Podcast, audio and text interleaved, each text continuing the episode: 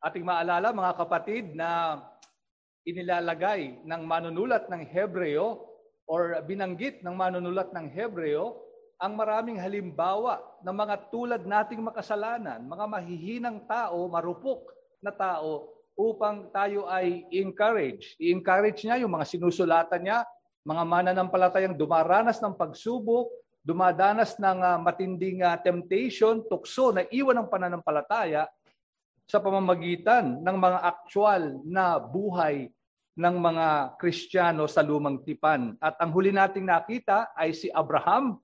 Siya ay tinawag ng Panginoon mula sa kanyang bayan, naglakbay na napakalayong lugar, parang three and a half times from Manila to Davao, Davao to Manila, and back and forth three and a half times. Pero sumunod siya in spite of the uncertainty because of faith, tiwala pagtitiwala sa kaniyang Diyos. At ngayon, nasa verse 11 na tayo, mga kapatid. Hebrews 11, verse 11 to 16 ang ating pag-aaralan. At ito'y patungkol pa rin sa kasaysayan ni Abraham. Verse 11 up to 16 ng Hebrews 11. Sa pananampalataya, maging si Sarah na isang baog ay tumanggap ng kakayahang magkaanak bagamat lipas na sa tamang gulang. Palibhasay, itinuring niyang tapat ang nangako. Kaya't mula naman sa isang lalaki na parang patay na, ay isinilang ang mga inapo na kasindami ng mga bituin sa langit at gaya ng di mabibilang na mga buhangin sa tabi ng dagat. Ang lahat ng mga ito ay namatay sa pananampalataya na hindi tinanggap ang mga pangako. Ngunit mula sa malayo, ang mga iyon ay kanilang natanaw at binati. Kanilang ipinahayag na sila'y pawang mga dayuhan at manlalakbay sa ibabaw ng lupa.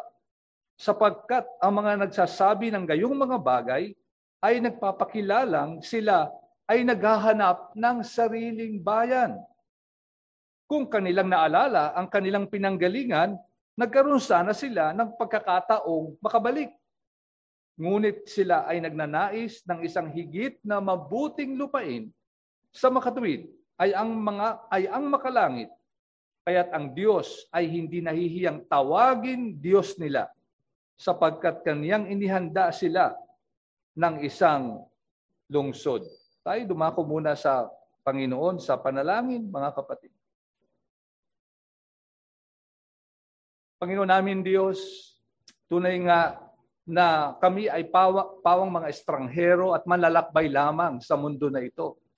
At nawa ipaalala niyo sa amin na hindi ito ang tunay na aming lupang pangako, kundi bagkos walang iba kundi ang kalangitan at ang darating na bagong langit at lupa. Kayo po mangusap sa amin sa umagang ito sa pangalan po lamang ng aming Panginoong Jesus. Amen.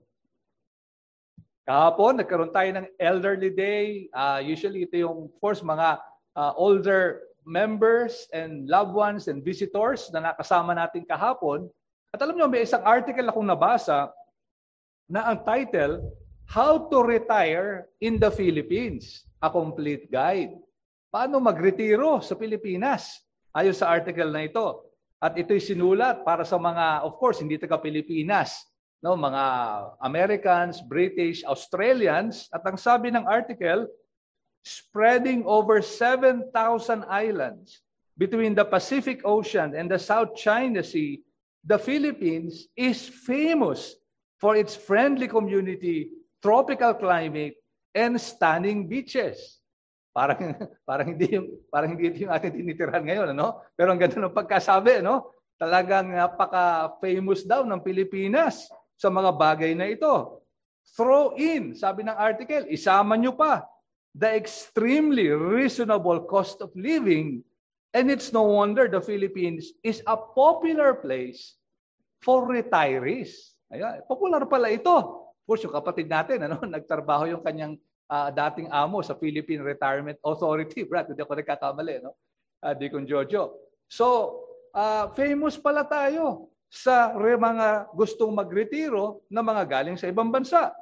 Kaya ang sabi dito, whether you're a Brit, an American or an Australian, you might be considering setting up yourself or your home overseas. Ay eto na, it is certainly worth considering the Philippines. So, popular.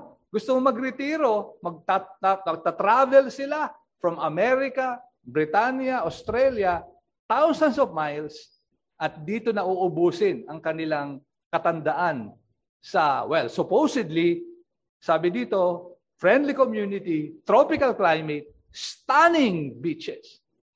Now, alam nyo, si Abraham, nung siya'y naglakbay from Ur sa Mesopotamia hanggang Kanaan, ay hindi ito para maghanap ng friendly community, no?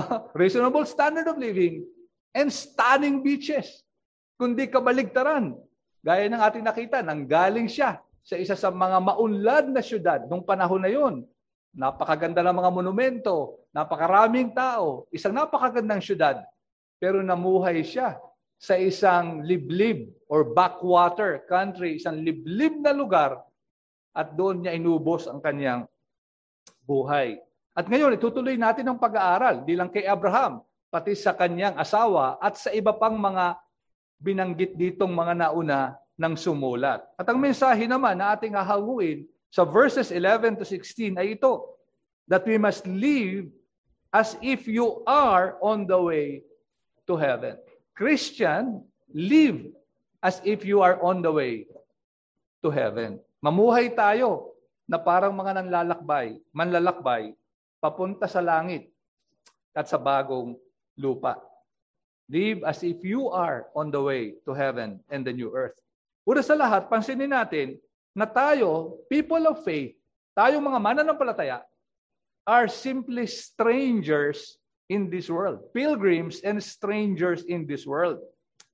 Tingnan natin yan sa verse 11 and, and following. So dito binanggit, by faith, Sarah herself received power to conceive even when she was past the age.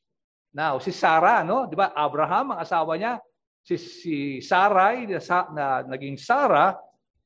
Now, kung kayo ay gumagamit ng ibang Bible translation, mapapansin nyo, merong footnote o kaya iba yung translation. Sa NIV, ito yung footnote. No, may footnote dito do sa first part. At ito ang translation ng footnote na ito.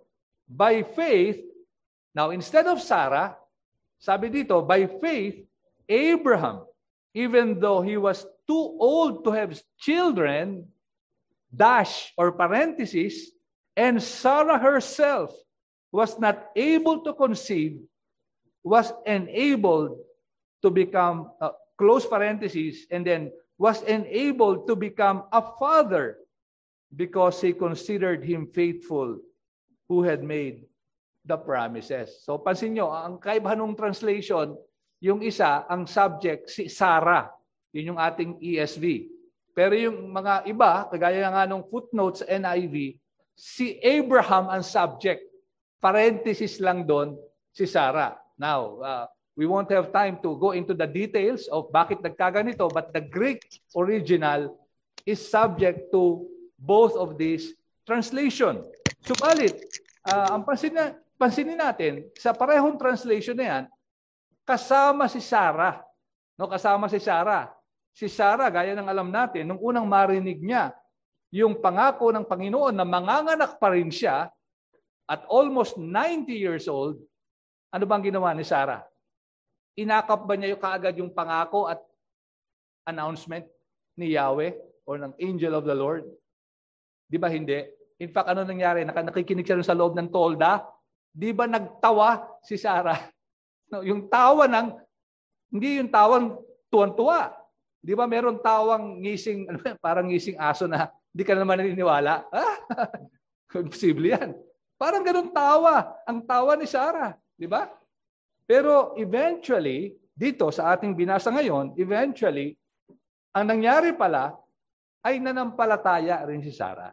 Yun. Okay? So, nanampalataya rin ang babaeng ito. This godly woman, Sarah, niligtas din by faith, ay nanampalataya. Tinuring din niya na tapat ang pangako ng Panginoon and so siya, in a sense, ay kasama ni Abraham na nanampalataya. So siguro we'll just leave it there. Nananampalataya rin itong si Sarah kasama ni Abraham eventually. And now, verse 12, anong naging resulta niyan? Therefore, from one man, now this is Abraham, back to Abraham, now, therefore, from one man, and him as good as dead, were born descendants, mga inapo, yung kanina sa Tagalog, binasa natin, mga inapo, as many as the stars of heaven, as many as the innumerable grains of sand by the seashore. So tinupad ng Panginoon yung pangako sa mag-asawang ito. Sa Genesis 21 verse 1, yan ang mababasa natin. The Lord, Yahweh, visited Sarah as he had said, and the Lord did to Sarah as he had promised. Kung ano yung pinangako, ano yung mga sinabi, tinupad ng Panginoon. And Sarah conceived and bore Abraham a son in his old age at the time of which God had spoken to him. So what does faith look like? Dito sa ating binasang dalawang talatang ito, faith dito looks like a 100-year-old man and a 90-year-old woman na nagkaanak. No? Now, kahit naman mahaba yung buhay nila noon, eh yung 100 years old, matanda na rin. Yung 90, matanda na rin. Kahapon, may elderly day tayo. No? Pero wala sa atin nag-iisip na kahit sino sa kanila ay manganganak pa. Di ba? Eh, siguro sa malayo sa ating kaisipan. And it will be, pag sinabi natin yun sa isa sa ating mga kababaihan kahapon, ay matatawa din sila. yung tawang di naniniwala. At alam nyo, ito nangyari dito. Eh, no? nanampalataya bagamat mahina na ang katawan ni Abraham at ni Sarah, one man, ang sabi doon, tapos pansinin niyo yung contrast. One man, him as good as dead, many as the stars of heaven. Innumerable, many as the innumerable grains of the sun. So, kita niyo yung contrast, ano? Isa na lalaki, and of course, isang babae na matanda na, patay na halos. And yet, innumerable. Thousands and thousands, as many of the stars. Andun yung contrast. Yan ang pananampalataya na ipinakita ng mag-asawang ito. And no wonder, sila yung parang naging ama. Si Abraham ang naging ama, hindi lang ng bansang Israel, kundi ng mga mananampalataya.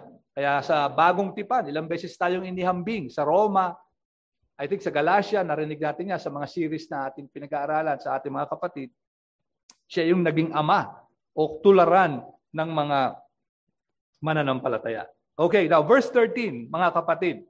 So, verse 13, eh pansinin natin, medyo parang inexpand na muli ng sumulat, hindi lang kay Abraham at kay Sarah, kundi yung mga nauna nating pinag-aralan. Parang isinama na rin yung iba, no? Kasi lumawak na, verse 13.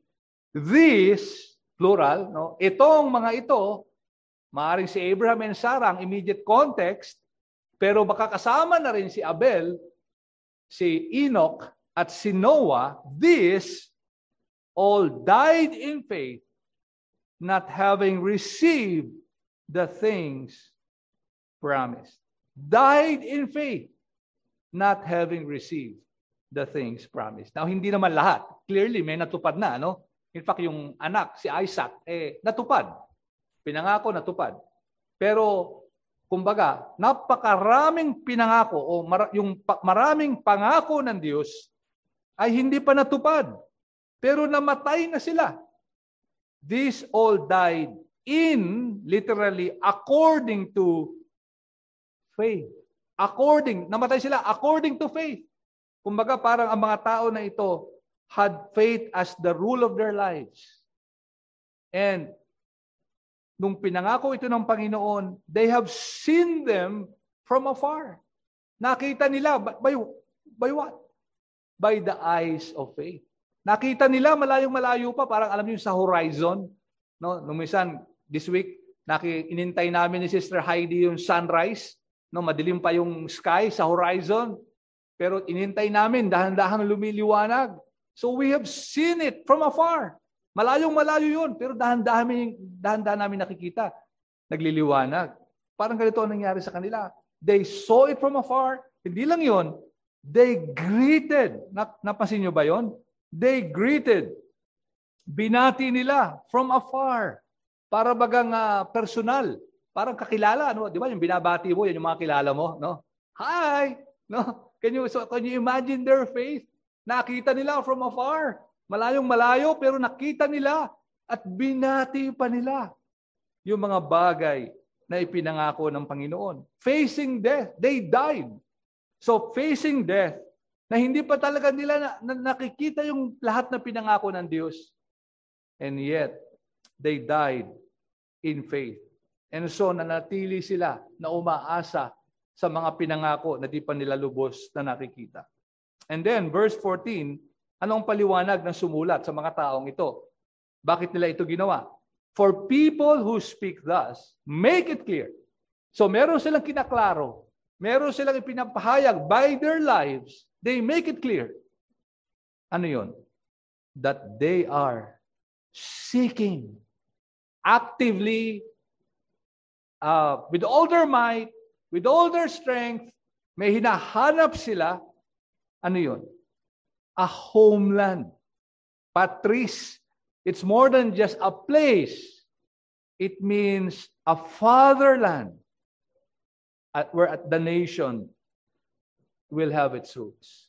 And in, you know, in this collective society na ating medyo pinahagingan last time, in this collective, sa mga collectives, sa mga taong kagaya ni Abraham na nag-iisip hindi lang sa sarili niya, kundi bilang bahagi ng pamilya at tribo, napakahalaga nito, fatherland. No? Isang lugar na para sa kanilang pamilya, para sa kanilang tribo. Ito ang hinahanap nila. And now, jumping to verse 16, finally, pinaliwanag ito na sumulat, But as it is, they desire a better country. Ayun pala, kaya namatay sila. Kahit di pa nila nakikita lahat, yung mga pinangako ng Diyos, karamihan di pa nga nila nakikita. Yet they died. Why? In faith. Why? Because they desire a better. At yung salitang better, paulit-ulit na nating na-encounter sa Hebrews, ano? A very important term. Mas mahalaga.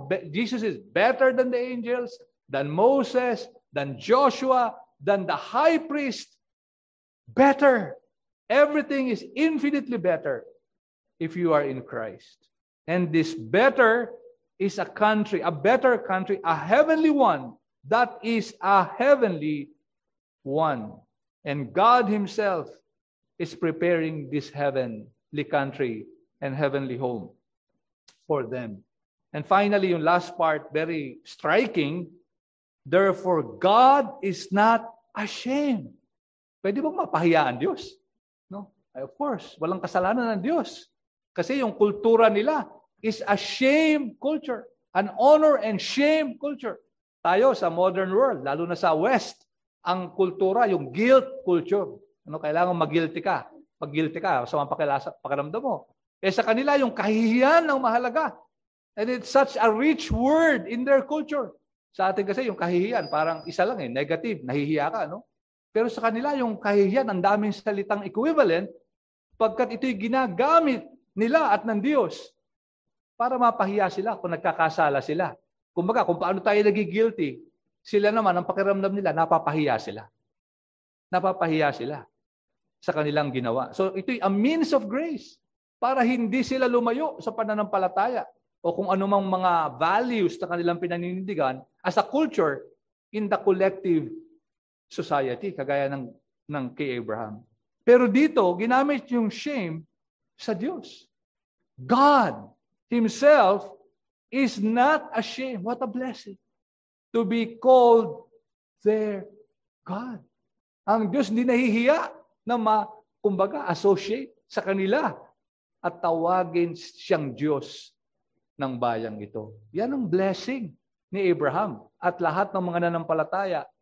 Kasama na si Sarah at napakaganda ng example ni Sarah, if I may quickly add, bilang isang babae nanampalataya din sa Diyos. So hindi lang ito puro lalaki, andito ang isang babae. At sa banal na kasulatan, napakaraming mahalagang roles na ginampanan ng mga babaeng tulad ni Sarah, tulad ni Maria, no, tulad ni Ruth, ni Esther.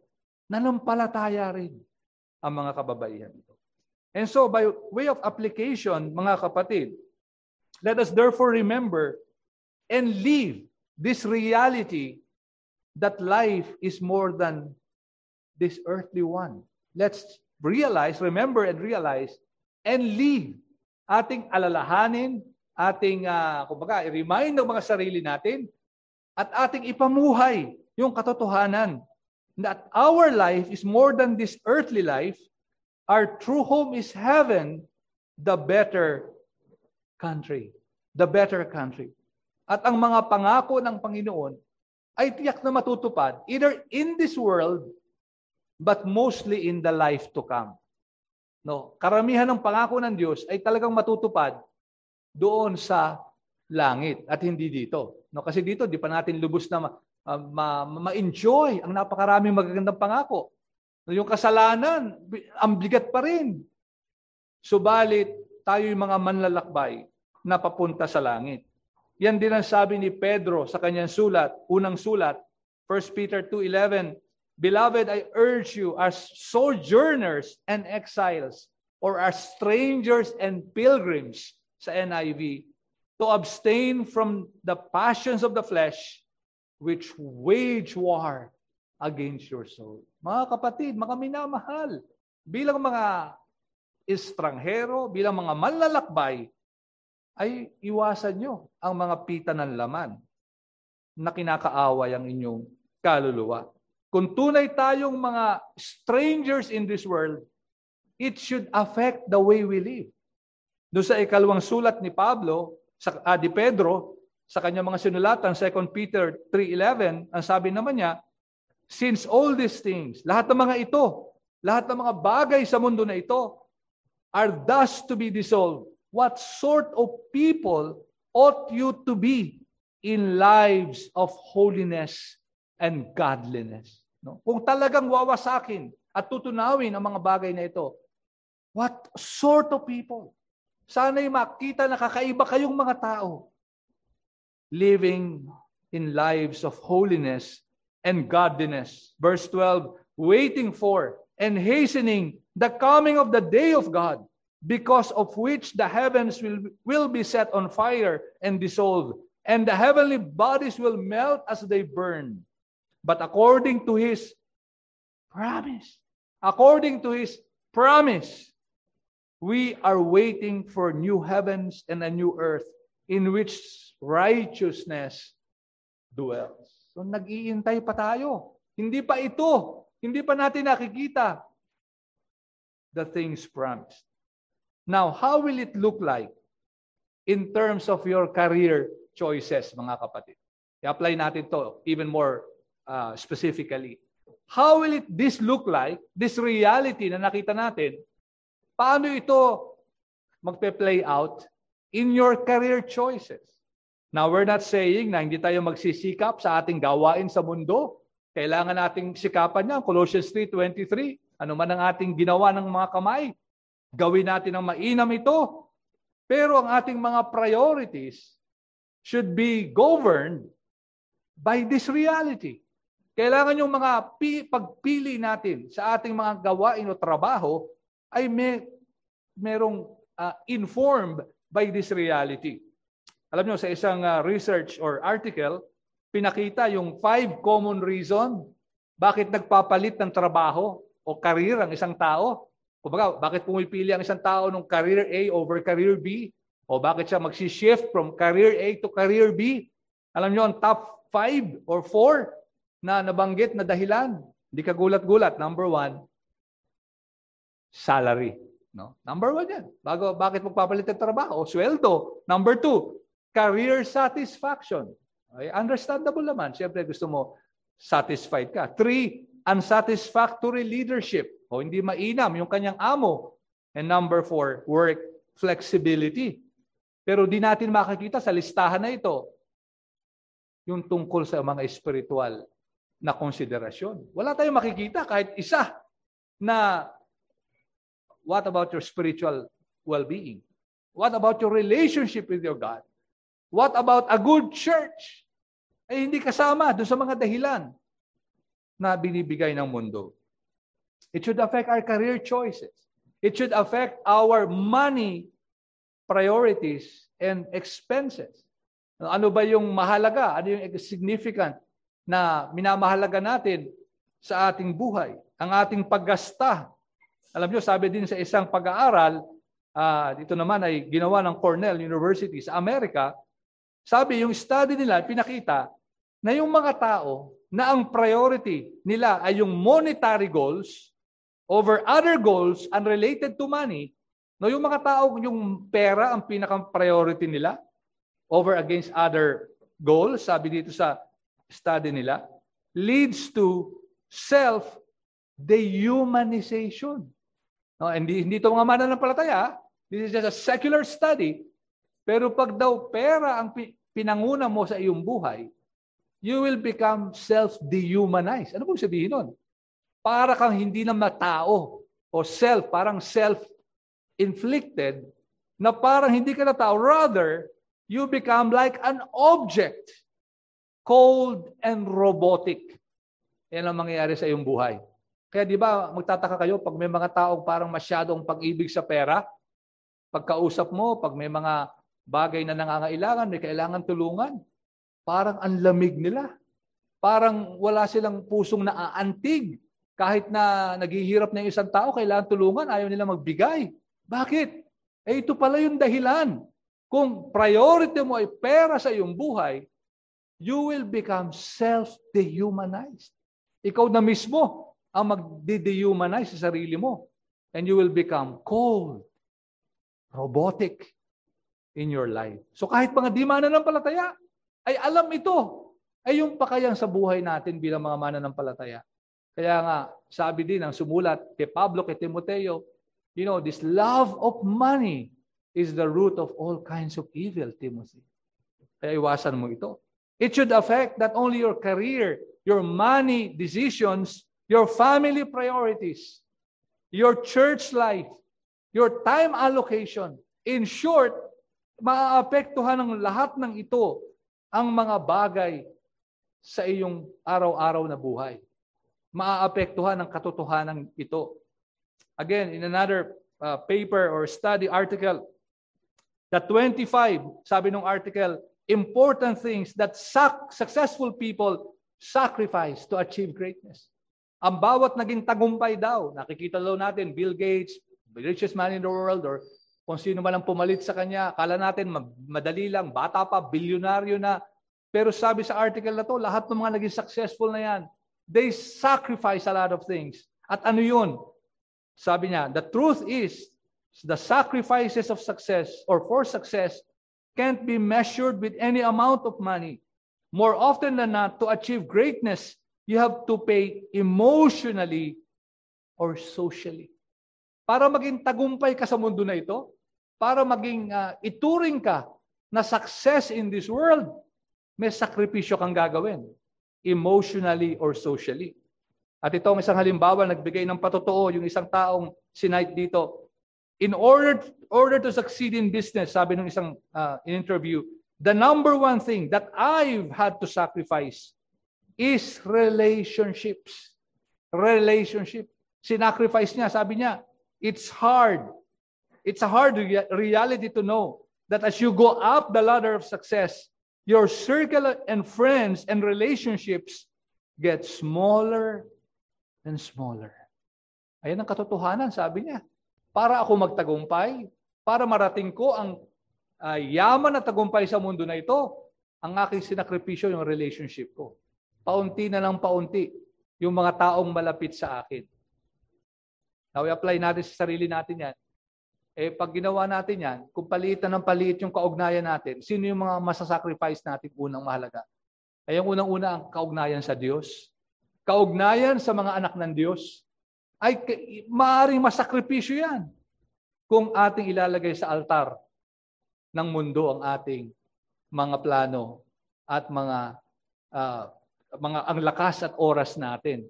Kaya mga kapatid, sana ma-realize natin na yung pamumuhay na ito as pilgrims and strangers ay malaki epekto nito sa buhay natin. It's, we cannot just be business as usual.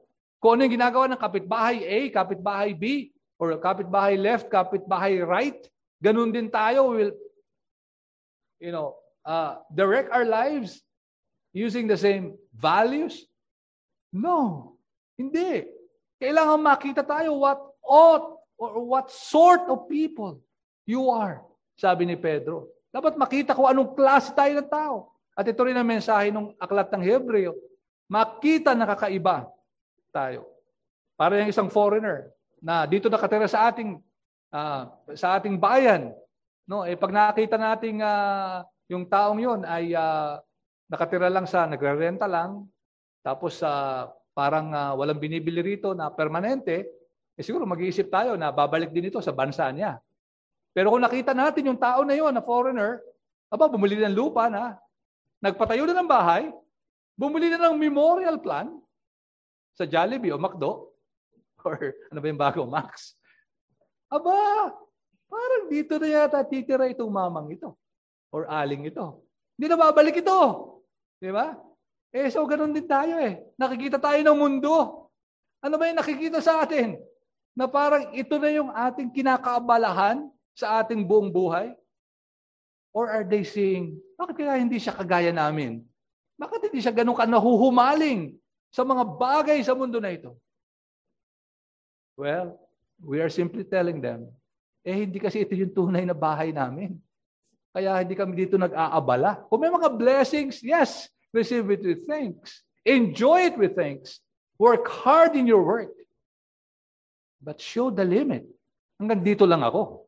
I will never sacrifice my relationship with my God, my church, my fellow believers in the altar of materialism and covetousness in this world.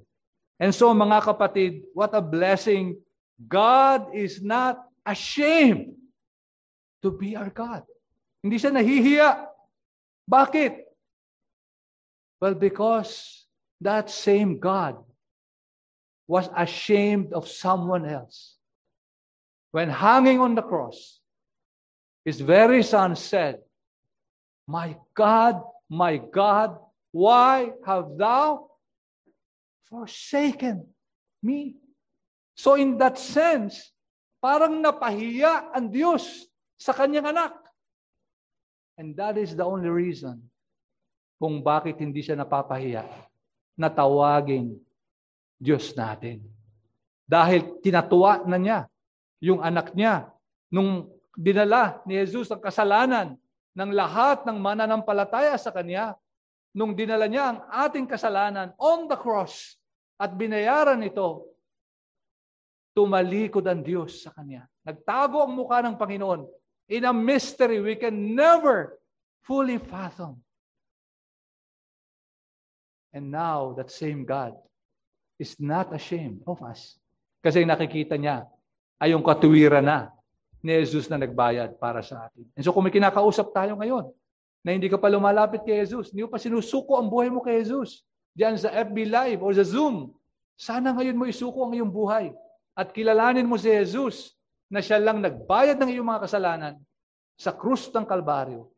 And it is only by repenting of your sins and embracing Him by faith as your Lord and Savior and Master, napapatawarin ka sa iyong mga kasalanan. Sana'y hindi rin mapahiya ang Diyos na tawagin mo siyang Diyos mo.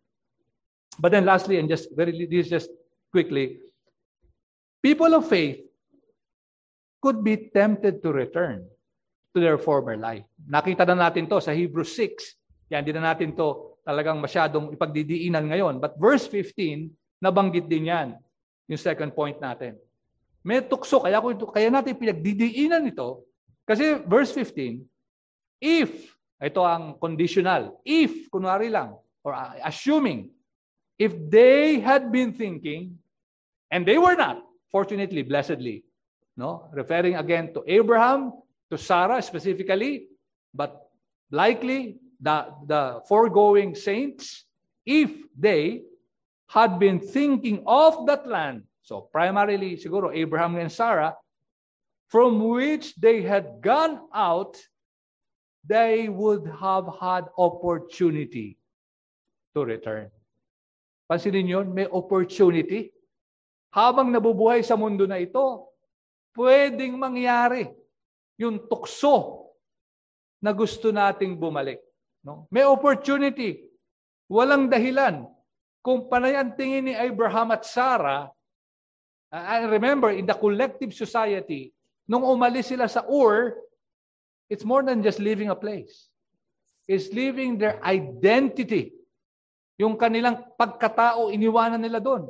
With all its security, iniwanan nila. Eh, tingin nyo kaya, walang panahon na nagkakatinginan si Sarah at si Abraham habang nasa tolda sila at naiisip nila, bakit nga ba natin iniwanan yung Ur? Di ba ang ganda ng syudad natin? We're living in a city. Andun yung ating mga kamag-anak, uh, lahat ng mga katribo natin andun. We feel so secure. And here we are in this tent with all these animals and yung mga nakapalibot sa atin, puro mga uh, mababagis na mga tao. Why are we here? Ano kaya? Tama ba yung interpretasyon mo kay Abraham doon sa sinabi sa iyo ng Diyos? Hindi kaya kailangan bumalik na tayo. They would have opportunity. They would have opportunity. And of course, you see the uh, the echo nung mga sinusulatan sa Hebreo na ito yung tukso nila. Gusto nilang bumalik sa Judaismo, nahihila sila sa dati nilang buhay, pinag-uusig sila, eh parang sinasabi ng manunulat, kagaya rin nyo si Abraham at Sarah. Pwede rin silang bumalik kung ginusto nila ito. But buti na lang, of course, hindi. Sila bumalik. And so anong application ito sa atin mga kapatid? Let's just beware of lapsing back to our old habits, old lifestyle, old priorities. Pwede tayong bumalik. Yan din ang sabi sa Hebrews 6 verse 4 and following. Nakita na natin to. Merong mga nakatikim. Those who have been enlightened, tasted the heavenly gift, even shared the Holy Spirit in some manner, tasted the goodness of the Word of God and the age to come and have fallen away. And have fallen away. So pwede mangyari na hindi pala tunay na mananampalataya. Yung isang taong nakasama natin for so long, natikman na ang maraming bagay na ating tinatamasa, and yet not real Christians. But even Christians can backslide. Pwede tayong mahulog at bumalik kung di tayo mapagmatiyag. Kaya sabi ni Pablo, Romans 12 verse 2, Do not be conformed to this world, but be transformed by the renewal of your mind, and by testing you may discern what is the will of God, what is good and acceptable and perfect. It comes down to the mind, to the heart, the inner person. Bantayan nyo ang inyong panloob na pagkatao. Ang inyong iniisip, ang inyong minamahal, ang inyong chine-cherish. Bantayan nyo to para hindi kayo mahubog ng mundo na ito. So magbantay tayo mga kapatid. Guard the inner person. Guard the inner person. And so in summary, nakita natin, we must live as strangers, as pilgrims in this world. Kailangan paglabanan natin yung paulit-ulit na paanyaya. The Philippines is a stunning place. Huwag ka nang pumunta sa iba pang lugar. Stay here in this world. Stay in this world and pursue the things of this world but rather confess that you are strangers. Leave it out in your lives that you are strangers in, and pilgrims in this world.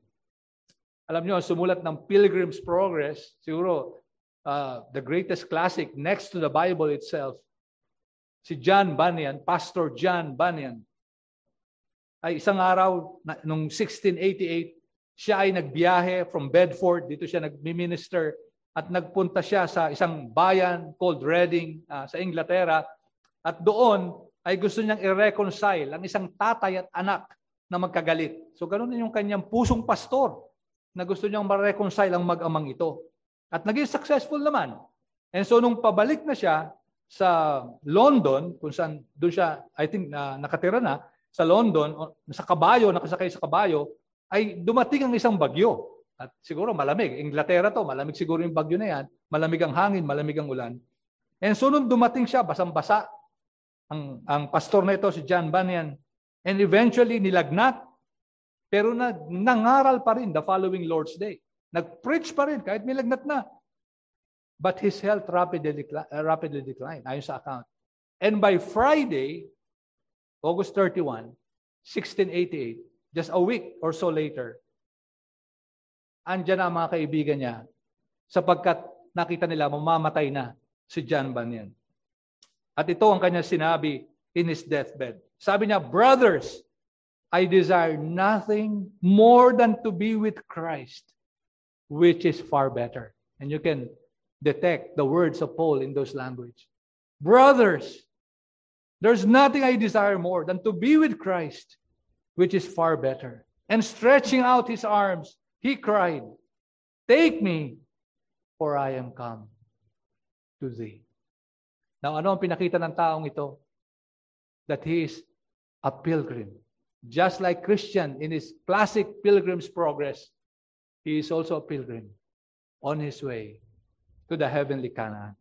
At sana tayo rin mga kapatid, saan man tayo inilagay ng Panginoon, ano man ang ating katatayuan, ano man ang ating edad, ma-elderly man tayo, mabata man tayo, sana ipakita din natin This is not my world.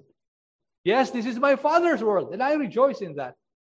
But I'm looking for another world, the heavenly world, na ipinangako ng Panginoon sa kanyang mga anak. And He will not be ashamed to be called our God. Tayo manalangin. O Panginoon naming Diyos, tunay nga, madali kaming maakit ng mundo na ito. At isa ito sa aming mga kinakapighati sa aming paglakad sa aming buhay. Kaya nawa, bigyan niyo po kami ng kalakasan na palaging uh, ma-detect kung kami ay nakukonform na, namumold na sa pattern of this world. Help us, O Lord, na mamuhay na nagpapakita sa lahat ng mga nakakakita sa amin na we are looking for a far better world. A world with you in your heavenly Canaan. Ito po ang aming mga samo at dalangin sa pangalan po lamang ng aming Panginoong Jesus. Amen.